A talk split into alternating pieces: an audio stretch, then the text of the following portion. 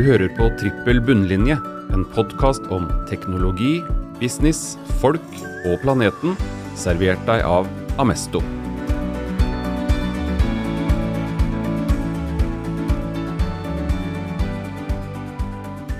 Hei, og velkommen til en ny episode av Trippel bunnlinje. Podkasten der vi ønsker å inspirere flere av dagens og morgendagens ledere til å definere suksess som noe mer enn profitt.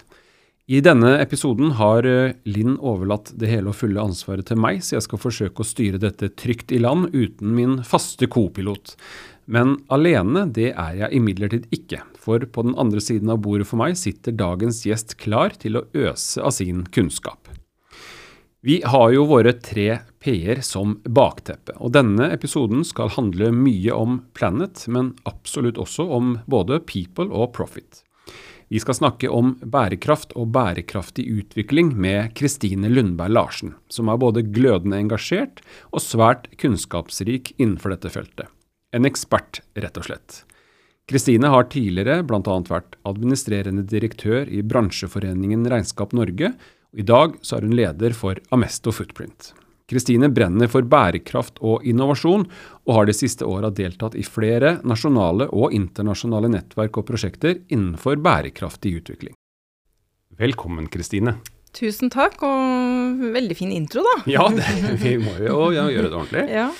Eh, men det her var jo for så vidt et eh, kort resymé. Din lista kunne hatt flere punkter. Du holder foredrag, du foreleser ved Norges miljø- og biovitenskapelige universitet på Ås. Og du er for tiden også aktuell med bok. ja, den har jeg med meg, faktisk. Nå glemte jeg å ta den opp, men eh, ja. Det er jo veldig stas. Nettopp fått den i henda, fysiske boken. Ja. Så det, det går unna. Det går unna. ja. For å, for å ta denne boka først, da. Ja. Regnskap og økonomistyring i sirkulære virksomheter. ja. Hva kan du si om det? Jo, det er resultatet av et arbeid eh, vi startet eh, da jeg var i Regnskap Norge. Så etablerte vi den sirkulære regnskapsklyngen i 2019. Da hadde jeg jobbet eh, med økonomi og regnskap og finans sin rolle i det grønne skiftet og i liksom, omstillingen til en sirkulær økonomi i et par år. Og vært med på litt forskjellige prosjekter og, og initiativer. og så at eh, det er veldig gode intensjoner, engasjerte mennesker som prøver å gjøre noe bra, og enten de etablerer en virksomhet eller det er et eller annet eh, prosjekt, så um, de, glemte de ofte litt det å ha med seg regnskapsføreren eller eh, det med å få, eh, sikre at den økonomistyringen er tilpassa en sirkulær virksomhet, og ikke minst at man har en finansieringsløsning som er tilpassa det at man skal holde materialene i, i omløp. Det er jo det som er skillet da, fra en lineær til en sirkulær eh, virksomhet, er at den lineære, da tar du naturressurser, så lager du et eller annet produkt, og så bruker du det, og så kaster du det. Og en resirkuleringsøkonomi, da istedenfor å kaste det på søppeldynga eller brenne det, så resirkuleres det. Så det er jo bedre. Men en sirkulær økonomi, da eh, går det ikke til noe avfall eller gjenvinning. Da lager du løsninger eh, og produkter som er designet for det første for å vare lenge. At man kan bytte ut slitedeler, reparere, dekomponere, bruke nye materialstrømmer. Og det er mye sånn produkt som tjeneste, som dere kjenner fra IT-bransjen. Fra dere, kan jo sammenlignes med fra dere gikk fra å eh, selge disketter Ja. og pro programvare som var en fysisk ting du kjøpte ikke sant, på diskett, og satte inn disse diskettene én etter én i maskinen din, til nå software as eh, eh, Service? Service, ja. Unnskyld. nå så det. Ja, så, så blir det også Trenger du å kjøpe et bor hvis du skal ha et par hull i veggen når du har flytta ny leilighet, f.eks.? Eller kan, kan du liksom gå på Jernia og så leie en drill i en dag eller to, eller over helgen? Så, og da har man et produkt som tjeneste. Da, og disse bildelingsplattformene, f.eks. Så det er, og parkdressen.no er jo kjempespennende. Der leier du ut da parkdresser til barnehagebarn. Så du kommer i barnehagen, og så henger parkdressen der, og så bruker du den så lenge den disse barna vokser fort, så plutselig har de vokst fra, så tar de den inn og går over sømmer og glidelåser, og så kan neste barn bruke den. Så det er jo de sirkulære virksomhetene. Og i 2019 da, så fant vi ut at det, det her trenger vi å lære mer, og vi trenger å innovere og se på hvordan kan vi skape lønnsomme sirkulære virksomheter, for det var det som var utfordringen. Da. De gikk jo ikke med overskudd. Og da samlet vi fagekspertene i Regnskap Norge med eh, ressurser da fra Høgskolen Innlandet, både professor i virksomhetsstyring og forskjellige universitetslektorer, innenfor regnskap, skatt og avgift. Og med praktikerne, regnskapsførerne. Og så inviterte vi inn virksomheter. Både oppstartsvirksomheter og etablerte, som f.eks. Bergans og Ikea, som tester ut sirkulære løsninger ved siden av den vanlige driften. Og så har vi jobbet oss gjennom case for case, og de har fått veldig god Vi er liksom helt inne i dybden av forretningsmodellen og sett på hvordan hvilke konsekvenser får det, hvordan skal de tilpasse seg. Regelverket er jo som det er, og, og det kan vi jo snakke lenge om, for det regelverket, regnskap og skatt og avgift, er jo laget for en start og en slutt. Det er ikke laget for å ta vare på materialene. Har du noe ukurante varer og, og vil skrive ned varelaget ditt skattemessig, så må du destruere det, f.eks. Du må brenne det, og så kan du kvittere ut at det er brent. Hvis du gir det bort, så får du uttaksmoms og uttaksskatt. Det er bare ett eksempel. Og um, gjennom dette arbeidet i klynga så har vi da jobbet uh, veldig grundig med en åtte-ni virksomheter som har fått uh, fyldige rapporter tilbake, hvordan de kan innrette seg. Og så fant vi på et tidspunkt ut at uh, all den kunnskapen her må, kan vi ikke sitte og ruge på, den må vi jo dele. Og så har det blitt den boken, da. Mm. Så, så der er det både kapitler for spesielt interesserte som går helt i dybden på det med regnskap, skatt og avgift, men også en del generelle kapitler på bærekraftsrapportering, hva er sirkulær økonomi, eh, jeg skriver om noen kapitler om finansiering, verdsettelse av brukte materialer, og så peker vi avslutningsvis litt sånn fremover på trender vi tenker blir viktige, utviklingstrekk som blir viktige fremover. Ja. Bra. Men det her eh, bærekraftsbegrepet, eh, litt sånn moteord og kanskje et ord man strør litt sånn om seg med. Hva, hva er bærekraft? Mm. Og da kan vi jo gå tilbake til den de, definisjonen vi er enige om eh, internasjonalt, fra eh, Brundtland-kommisjonen i 1987 at en bærekraftig utvikling, dvs. Si at vi som lever i dag, får dekket våre behov eh, for å leve gode liv, og at vi gjør det på en måte som ikke går utover de som kommer etter oss, sin mulighet til å få dekket sine behov. Og eh, i dag så er det både sånn at eh, det er mange mennesker som ikke får dekket sine grunnleggende behov eh, eller menneskerettigheter. Men vi i vår del av verden får jo det. Men vi gjør det på en sånn måte at vi er langt utover planetens tålegrense på flere områder. Og det er ikke noe sånn følelse eller noe noen har funnet på. Det er, helt, det er faktum. Det, eh, der, der, har det vært forsket så mye på i så mange år nå, med bl.a. FNs klimapanel og FNs naturpanel, at der har vi så mye data nå at vi kan se disse sammenhengene på klimagasser vi slipper ut, og den eh, utviklingen som har vært fra starten av 1900-tallet, når vi begynte med masseproduksjon, og, eh, og, hvilke effekter det får på naturen. Og hvis jeg skal prøve å forklare det litt sånn uh, enkelt, da, så er det jo at uh, for veldig mange produkter så kommer hovedsaken av klimagassutslippene i produksjonsfasen. Det er derfor det er så viktig å omstille til en sirkulær økonomi. Som klær f.eks. og møbler. Over 90% av klimagassutslippene kommer i produksjonsfasen. Så det vil si at den derre sløsingen vi har vent oss til, at vi trekker ut naturressurser og gjør naturinngrep, produserer, bruker, og så kaster vi det. Mm. Det er jo eh, det er dumt på veldig mange, mange måter. Og eh, naturen tar jo is, i, absorberer jo en del klimagasser helt naturlig, ikke sant. Atmosfæren gjør det, vannet gjør det, og eh, trær og, og, vekster ikke sant, tar opp i seg CO2.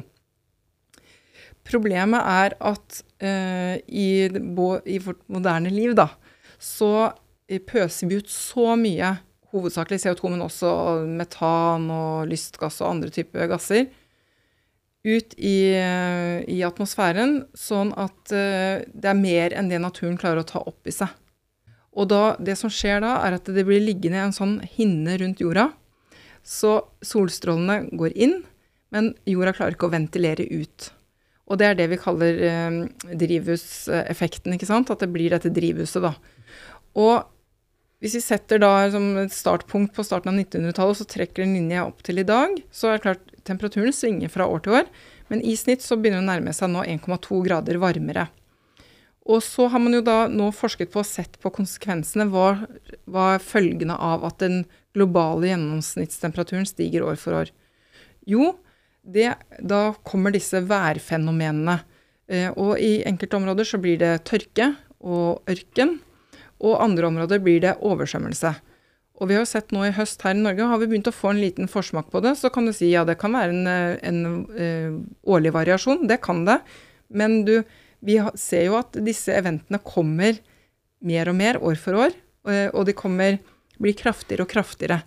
Og det, nå har det jo vært oversvømmelse store deler av Europa. I fjor sommer, husker du, det var jo varmt i år òg, og i fjor var det enda varm, minst like varmt. Og masse skogbranner, eh, orkaner eh, demninger som brister. ikke sant? Det er mye som skjer. Og så har vi alt det med plast i havet, og det er mange sånn konsekvenser. Så det vi nå er oppmerksom på, er at ting henger sammen. Det er ikke sånn at vi kan holde på så ikke at ting får noen konsekvenser. Det skjønner vi. Og eh, naturen henger sammen i et økosystem, så påvirker du et sted, så får det effekt flere andre steder. Og vi mennesker er jo en del av det økosystemet. Vi kan ikke leve uten det økosystemet. Og så snakker man om at ja, nå skal vi redde menneskeheten. Eh, det er liksom viktig. Eller nei, redde planeten. Liksom, nå må vi ha bærekraft, og vi skal redde planeten. Planeten, jorda, klarer seg veldig fint uh, uten mennesker. Det er, jo, uh, det er, jo, oss det blir problemer for, ikke sant. Fordi at nå blir det områder hvor vi ser at det blir ubeboelig. Det er tørke, det er uh, ikke tilgang på vann. Bønder i Spania og Italia som har slitt, og i Frankrike, med at de ikke får vanna avlingen. Og det er altfor varmt òg, så det blir, så blir også problemet med tilgang på mat. Men så det er, jo, det er jo ikke jorda i seg som, som, står i fare her. For jorda har jo klart seg millioner av år før mm. menneskene kom. Men det er jo oss som, in, som individer at vi skal på en måte ha, kunne leve gode liv fremover. Ja. Uh, Uh, og på, det, på, den noten den, eh, Etter Parisavtalen så skal jo Norge uh, Eller har forplikta seg til å redusere utslipp med 55% innen 2030. Mm.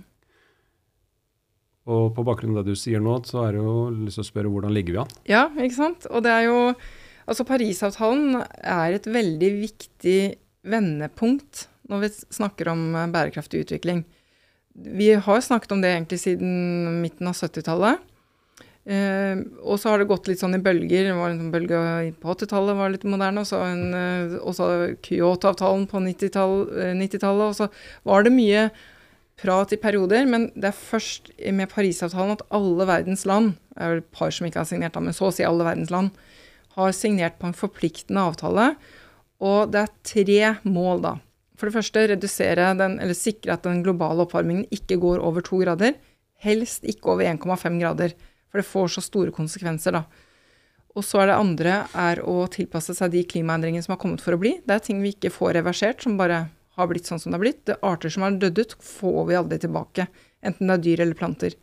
Og så nummer tre, å styre kapitalen i en eh, bærekraftig retning. Så det er de tre målene. Og da har vi signert på det, og Norge har forpliktet seg da til å kutte fra 50 til 55% Det er det vi har forplikta oss til i Parisavtalen.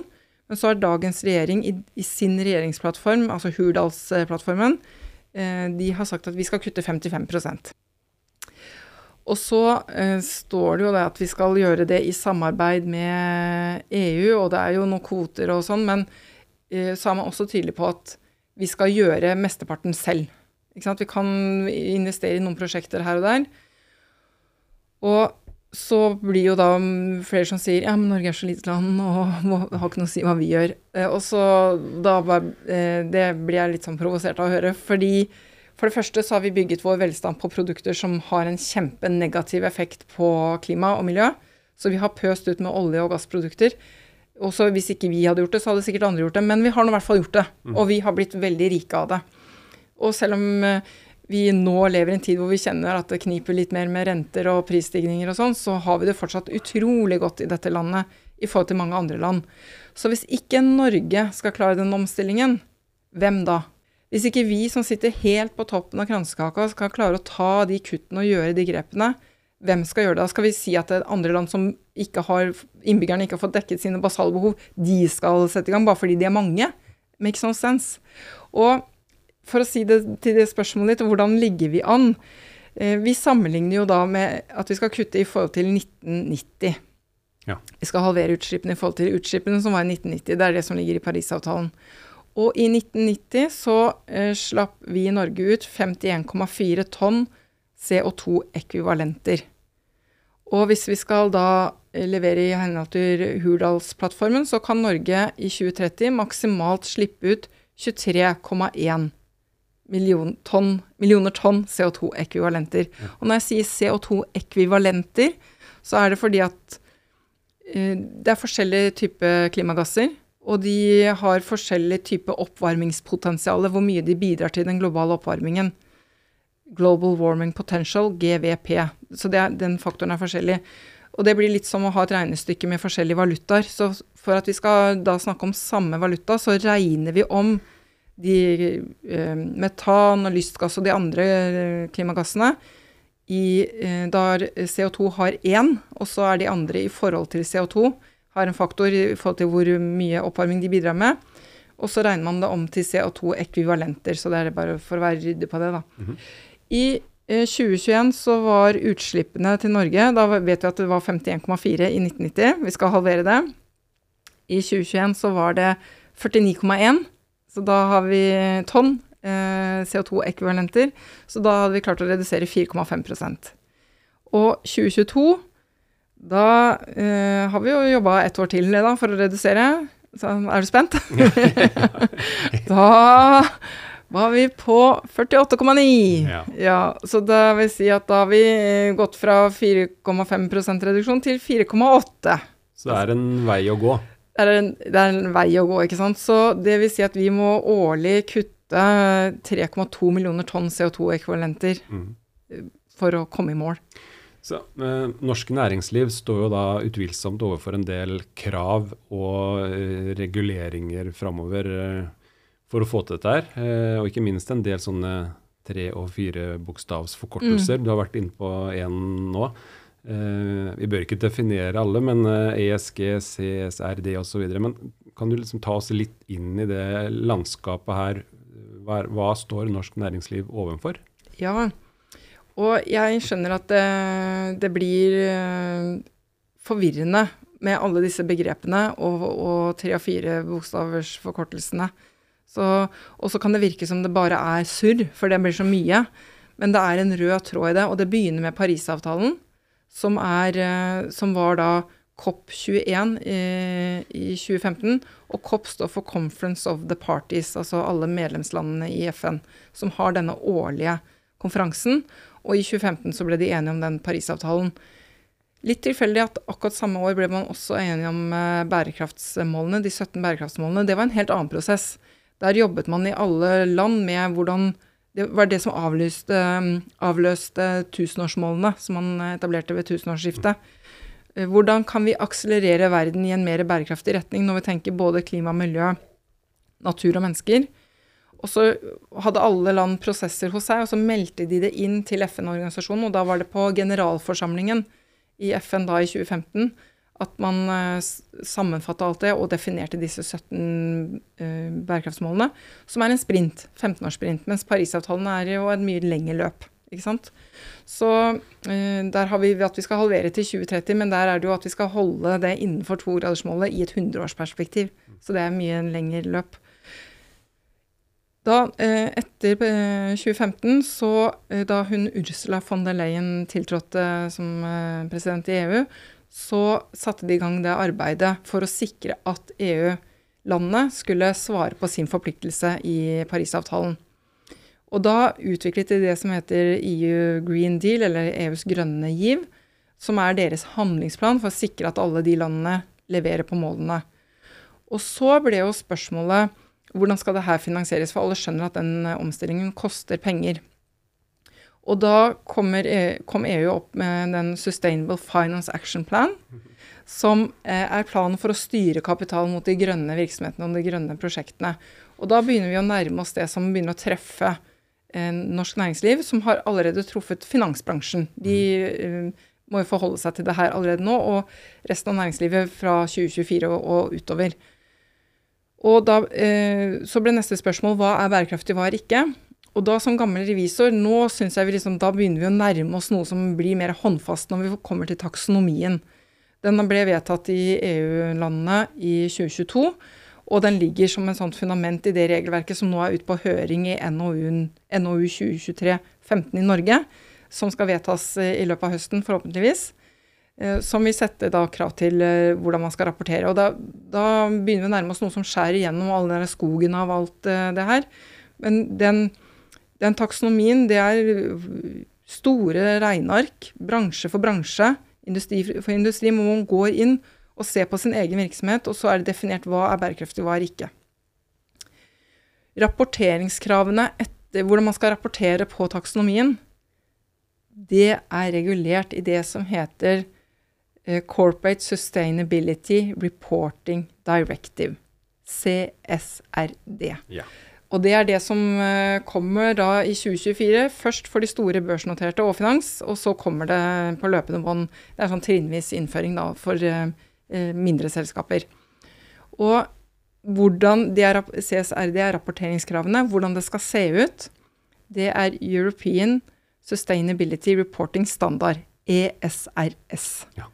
så, så, så, så, alt eh, det er en rød tråd i det. det. Per i dag så er det veldig mange forskjellige sånne private standarder som er der ute. Uh, du har eh, TCFD, du har GRI, og du har uh, Non-Financial Reporting Directive, som, har vært, som Finans har forholdt seg til frem til nå. da. Forskjellig. Men, og, og, og, de fleste norske bedrifter har jo ikke forholdt seg til det her, for det blir bare en sånn skog, og det blir masse ull, og vanskelig å vite hva man skal prioritere. De store selskapene har jo gjort det, som ofte som også har internasjonale eiere og, og, og verdikjeder. Men de, det som har vært, når det ikke har vært så stramt ennå, så har man kunnet velge litt da, hvilke standard man, og hvilke KPI-er man bruker. Og da blir det ikke transparent og vanskelig å etterprøve. Og det blir i hvert fall helt umulig å sammenligne et selskap med et annet. Mm. Og det som blir veldig bra da med den lovgivningen som kommer fra EU nå, som blir eh, integrert i norsk rett gjennom EØS-avtalen, er at man skjærer det litt mer igjennom. Og så lager man én felles standard. Og da begynner vi å nærme oss det med finansiell rapportering. Og så går man bort fra å si finansiell rapportering og ikke-finansiell rapportering. Man sier nå finansiell rapportering og bærekraftsrapportering. Fordi vi ser nå at de bærekraftsfaktorene har ofte direkte konsekvenser på økonomien. Så det blir feil å kalle det ikke-finansiell rapportering. For det har en Eh, effekt for mange på den fremtidige evnen til inntjening. Mm. Ja. Du sier um, de, de, største og børsnoterte først i 2024. Mm. Mm. Uh, hvis jeg er en typisk norsk SMB-bedrift mm. som uh, driver et snekkerfirma med 20 ansatte og mm. omsetter for 50 millioner, hvordan mm. skal jeg forholde meg til dette her nå? Det skjønner jeg er utfordrende, og det, og det har jo vært uh, mitt Eh, sånn ankepunkt eh, da også det jobbet i Regnskap Norge og var mer med på høringer på Stortinget og fikk gi innspill til Næringsdepartementet og Finansdepartementet osv. At jeg syns det blir for ensidig fokus på de store børsnoterte og finans. Og så er 99% av de norske og de nordiske, og egentlig også europeiske selskapene, er små og mellomstore. I Norge så står de for ca. halvparten av verdiskapningen, og de står for 60-70% av klimagassutslippene. Så jeg syns det blir veldig, det er veldig rart da, at det er eh, det fokuset på de store. Antagelig fordi at man, for de store er så store, så det har jo effekt hva de gjør og ikke gjør. Og fordi at de har mer ressurser til å sette i gang arbeid og gå foran, da. Så det kan være logikken i det. Men jeg skjønner at for mindre selskaper så kan det være vanskelig å orientere seg i regelverket. Så det er det jeg gleder meg nå til at eh, den ESRS, da, den standarden, den skal de også lage for små og mellomstore. Mm. Eh, så det, da blir det litt mer verktøy i den verktøykassa. Men i mellomtiden, da, så, så, Da jeg var i Regnskap Norge, så tok vi et initiativ sammen med uh, søsterorganisasjoner i Sverige, Danmark og Finland. Og så fikk vi et samarbeid med Nordic Innovation. Og så utviklet vi det som heter Nordic Sustainability Reporting Standard. Og det er en standard laget for små og mellomstore virksomheter, hvor vi har sett på hva som kommer da med taksonomien og, og, de store. Og så har vi tatt det ned og gjort det på en måte overkommelig for en mindre virksomhet. Så, det, så veldig mange regnskapsførere har lært seg den standarden nå og hjelper kundene sine med det i Norge, Sverige, Finland og Danmark. Pluss Frankrike som hadde kommet over denne standarden og syntes at den var helt fantastisk. De ja. har oversatt den til fransk, og nå bruker jo tusenvis av franske virksomheter også den standarden. Og eh, den gruppen eh, som eh, jobber med rapportering da, i EU, jeg, orker ikke å si enda en forkortelse. jeg orker ikke å si hva de heter engang, for det blir enda en sånn fire bokstavers. Men den gruppen da som, som i årevis har jobbet med finansiell rapportering, som også da har fått ansvar for bærekraftsrapportering, som skal lage denne standarden for de små og mellomstore, der er det en dialog da med eh, NSRS, jeg sitter jo fortsatt i styret der, og den gruppen, for å se på om de kanskje kan ta det fundamentet vi har utviklet allerede, og så bruke inn i den uh, i den europeiske standarden. Ja. Men det ligger et verktøy der ute i hvert fall som er åpent og masse teori, og det er en sånn brukermanual og steg for steg, så man kan gå inn på nsrs.eu. Så ligger hele rapporteringsstandarden og alt hjelpematerialet ligger der. Mm. Så det er, og det er i, i, år så har vi også kommet ut med sånn level null, entry level. Så det er for de helt Første gang man rapporterer, så har jeg gjort det veldig enkelt. Så det er liksom basicen. Ja. ja så vidt meg bekjent så er det også da eh, i overkant av 9000 norske bedrifter som eh, nå må forholde seg til åpenhetsloven. Ja, det stemmer. Hva er det? Ja, og det er um, ja, det, jeg syns det er så bra. så Det er liksom vanskelig å styre begeistringen. For det, det er næringslivets menneskerettighetslov. Så det her, eh, i bunn og grunn, når vi snakker om bærekraft, så snakker vi om ansvarlighet. At vi er ansvarlige innbyggere og et ansvarlig næringsliv. Og, eh, og det blir jo sånn eh, en liten digresjon her, da, men når jeg hører på liksom, hvordan man snakker ut i markedet og politiske debatten, og sånn, så virker det som man sitter og venter på den ene store løsningen. Men det er ikke én stor løsning som kommer til å løse hele klimakrisen eller naturkrisen. Det er du og meg og alle innbyggerne, eh, og som forbrukere og, som, eh, og næringslivsledere, hvordan vi produserer og forbruker varer og tjenester, det må endres. Og i det bildet der så er den sosiale dimensjonen også veldig viktig. Eh, at vi tar vare på menneskene. Og vi vet at det har vært mange også, hendelser opp gjennom tiden hvor virksomheter har hatt underleverandører hvor det har vært veldig dårlige forhold, og så har man på en måte skyldt på at ja, men det er noen underleverandører, og det kan ikke jeg noe for. Og nå har vi fått en lov som gjør at du, du, må ta ansvar for din egen virksomhet og hele verdikjeden bakover. Og momentumet som starta den der, det var i 2013, hvis du husker den katastrofen som heter Rana Plaza. Den, store fabrikkbygget i et sånt stort kompleks da, i Bangladesh som hadde fire tekstilfabrikker i seg. Hvor arbeiderne hadde satt det var veldig dårlige arbeidsforhold, for det første. Og de hadde sagt fram det, og så hadde de sagt fram at de var bekymra, for de så at det ble stadig større sprekker i gulv, vegger og tak. Eh, og ingen gjorde noe. Og så kollapset disse bygningene. Og over 1000 mennesker døde, og 2500 mennesker som ble hardt skada. Og da ble det et momentum, og i Norge så var det Fremtiden i våre hender og Etisk handel som eh, brukte det momentumet. Og i 2015 så starta den lovprosessen. Så har vi noe av det samme i Tyskland og England. Sverige kommer med en tilsvarende lov neste år. Men der er Norge litt sånn Der ligger vi litt foran. Og, og poenget med åpenhetsloven er jo nettopp det som er i sakens natur, at det skal være åpent. Og at man kan stille spørsmål med hvordan jobber dere med menneskerettigheter og anstendige arbeidsforhold i hele deres verdikjede. Og da må bedriftene svare innen tre uker. Og da skal man jo gjøre en sånn årlig vurdering på sin egen virksomhet og på alle sine eh, leverandører og se på risiko knytta til land, til bransje, til produkter. Hvordan ser det ut i verdikjeden bakover? Og så må man gjøre undersøkelser for å kartlegge om det er brudd på menneskerettigheter og, og arbeidsforhold som ikke er i tråd med de internasjonale konvensjonene. Mm. Ja. Eh, for å ta det litt tilbake til disse tre P-ene våre, da, People, Planet og Profit, så er jo bærekraft eh, sånn ganske tydelig i forhold til planet og people. Men hva med profitten? Hvordan ser du på liksom, sammenhengen mellom bærekraft og lønnsomhet? Mm. Uh, og det er jo interessant det med den P-en, for det ene dimensjonen er at det blir ikke noe grønt skifte med røde tall. Så det, det, får vi ikke til. Så vi må gå med overskudd. Og det er jo det vi har jobbet med med, de, med den sirkulære regnskapsklyngen nå. Skal vi klare å omstille oss til en sirkulær økonomi, så må de bli lønnsomme. De må klare å innrette virksomheten sin sånn at de tjener penger og går med overskudd. Så det er veldig viktig. Den andre dimensjonen med profit er hvordan fordeles dette overskuddet. Tas det bare ut i utbytte, eller investeres det tilbake i, i virksomheten eh, til utvikling? Hvordan er det bare toppledere som får bonus, eller hvordan er lønnsforskjellene og, og lønnsforskjeller mellom kjønn osv. Så, videre. så den profiten går både på det at ja, det må være overskudd, men det er også med hvordan man fordeler det overskuddet. Ja. Bra. Um, og så er det jo kamp om talentene nå i norsk næringsliv. Ja. Uh, så jeg regner jo med at uh, de unge lovene de har vel også sitt syn på hvilke bedrifter de vil jobbe for. Ja, uh, nå er jeg jo så heldig å henge med en del studenter da, en gang i uka. Ja. og det er klart det de er mye mer bevisst uh, enn det du og jeg var da, Cato. Vi er jo født på 70-tallet, begge to. Jeg er 72, og du er 73. Ja. ja.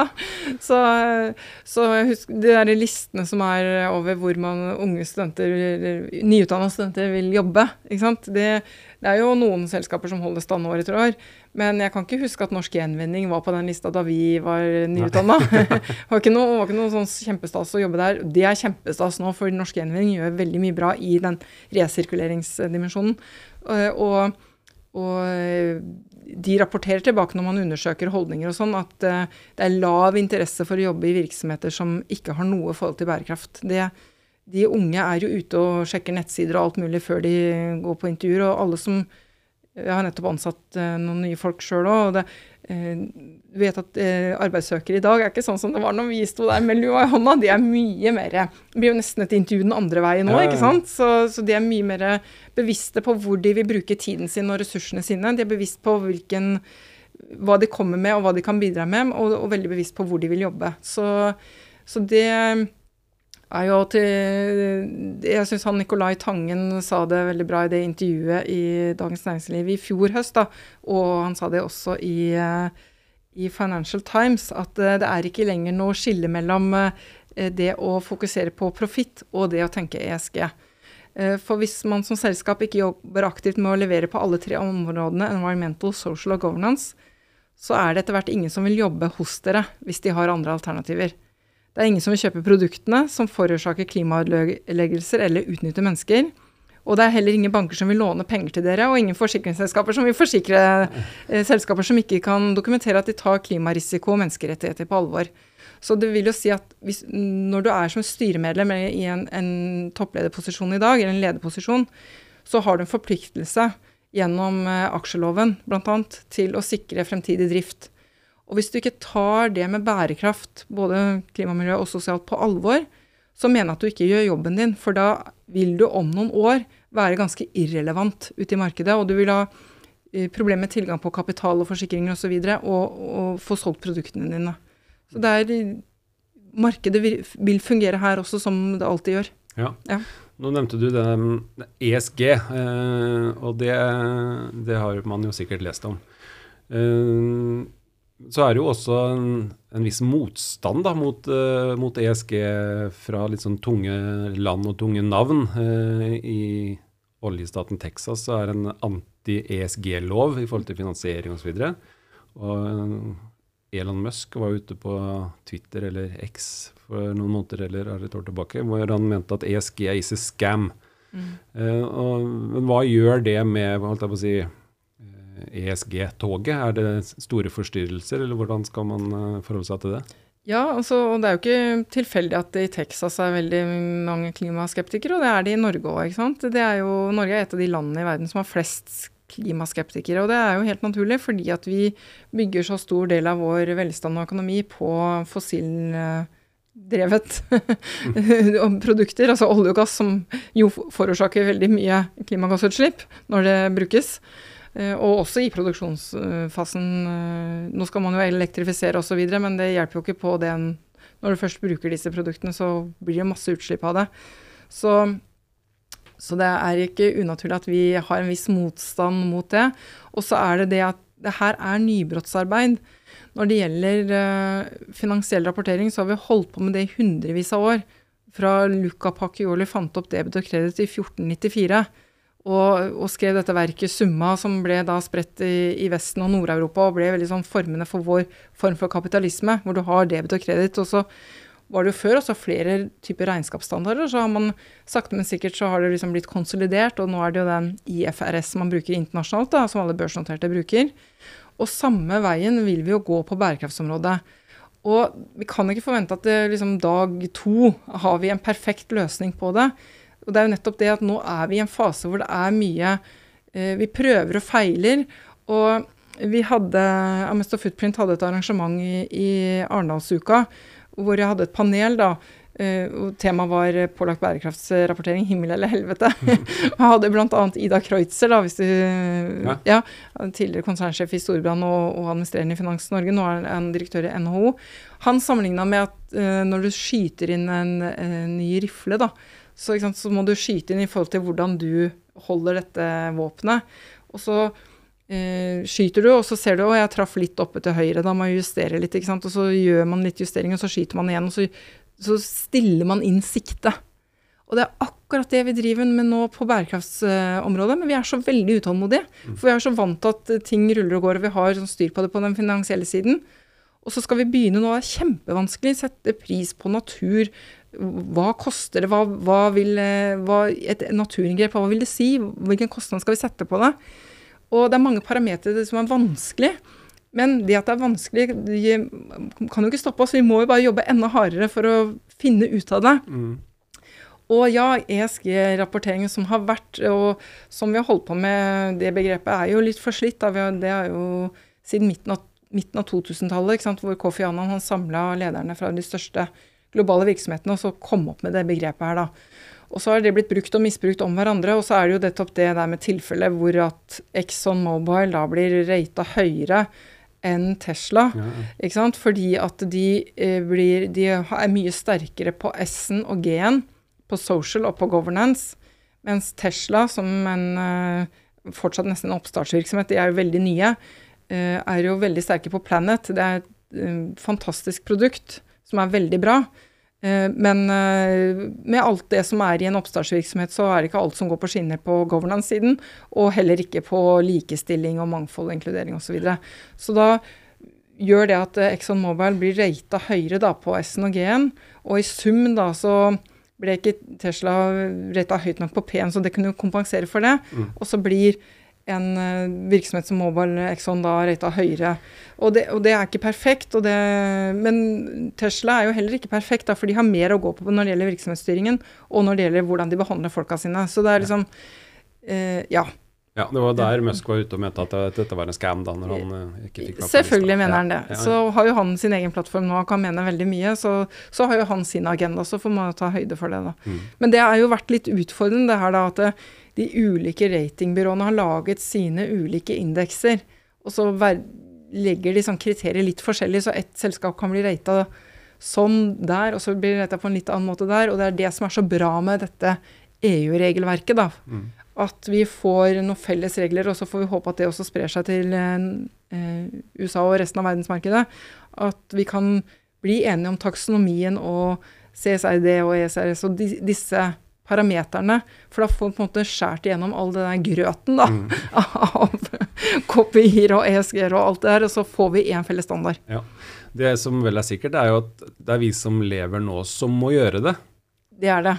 Ja. Um, og med, med, det, da, uh, så tenker jeg Og du, du, sier at det må på en måte, nå må det jo skje noe. Vi må mm. fra ord til handling. Mm. Uh, og så er jo verden et stort sted med mange land og mye forskjellige kulturer. og Hvordan skal man få åtte milliarder mennesker til å forstå verden på samme måte? Ja, Det er jo nær sagt umulig. Ja, Stort spørsmål. ja, stort spørsmål. Men jeg tenker at det er viktig med disse globale avtalene som man blir enige om, og disse klimaforhandlingene, det som skjer der, som for oss eh, innbyggere når vi ser på Dagsrevyen og andre medier, ja, nå sitter de og prater der igjen. Men det skjer faktisk noe, og de blir enige om avtaler. Og det er klart at det, vår del av verden må finansiere mer av den omstillingen i ja, Asia, Afrika, de kontinentene der. Fordi at vi har jo utnytta de til de grader tidligere, så skulle bare mangle. Mm. Så den, den, rettferdigheten der, det, det, er jo ting som, eh, som, må skje på politisk nivå.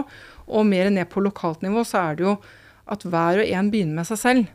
Og, og det er jo det at eh, det er nettopp det at det ikke kommer den ene store løsningen. For det er summen av hva du og jeg og alle andre gjør og ikke gjør.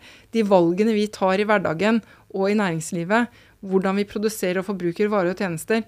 Det er det som må endre seg. Det er noen vaner vi må slutte med. Vi kan ikke fortsette med fast fashion f.eks. Det skjønner alle. Bruke et plagg to ganger og så kaste det. Det gir ingen mening, og det skaper masse problemer. Så eh, vi kan fortsatt eh, Det er jo ikke sånn at vi skal få det kjipt. Det er jo ikke det som er tanken. Men vi, eh, vi skal leve gode liv. Vi skal få dekket våre behov og ha det bra. Men vi må gjøre det på en annen måte. Og det ligger masse verdi i det. For det er jo òg en del effekter av hvordan vi nå har innretta livene våre i vår del av verden, hvor vi løper som noen gale. Og det er fast food og fast fashion og fast, fast, fast, fast. Og vi vet at det, aldri før har det vært så mange som sliter psykisk, og det er mange effekter av det.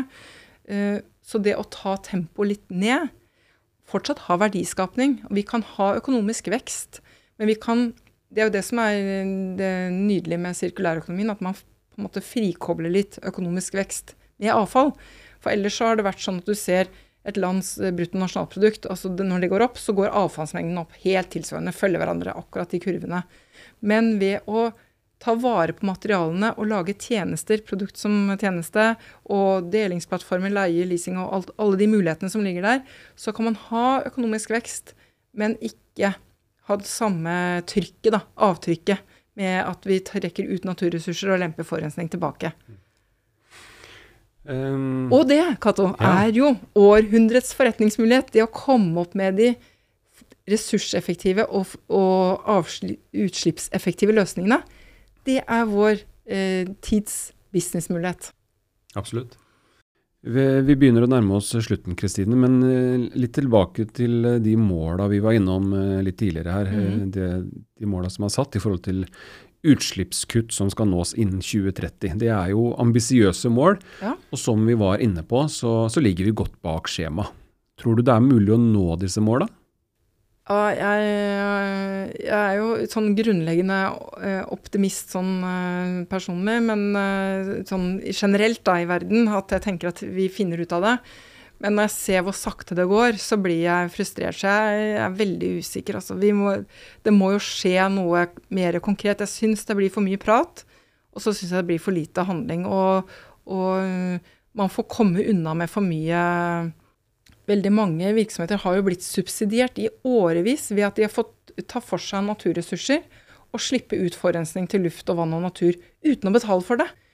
Men noen betaler for det, og det er jo det vi har blitt klar over nå. Det er vi som samfunn og som innbyggere som må betale prisen. Og det kan vi ikke fortsette med, så det må begynne å få konsekvenser. Nå vet vi mye mer om hvordan ting henger sammen, og så må vi begynne å forholde oss til det. Kristine, tusen takk for praten. Takk selv, det var, veldig hyggelig å være her. Du har hørt på Trippel bunnlinje, en podkast fra Amesto. Har du spørsmål til denne episoden eller ønsker dialog med oss, send oss en e-post til trippelbunnlinje at amesto.no.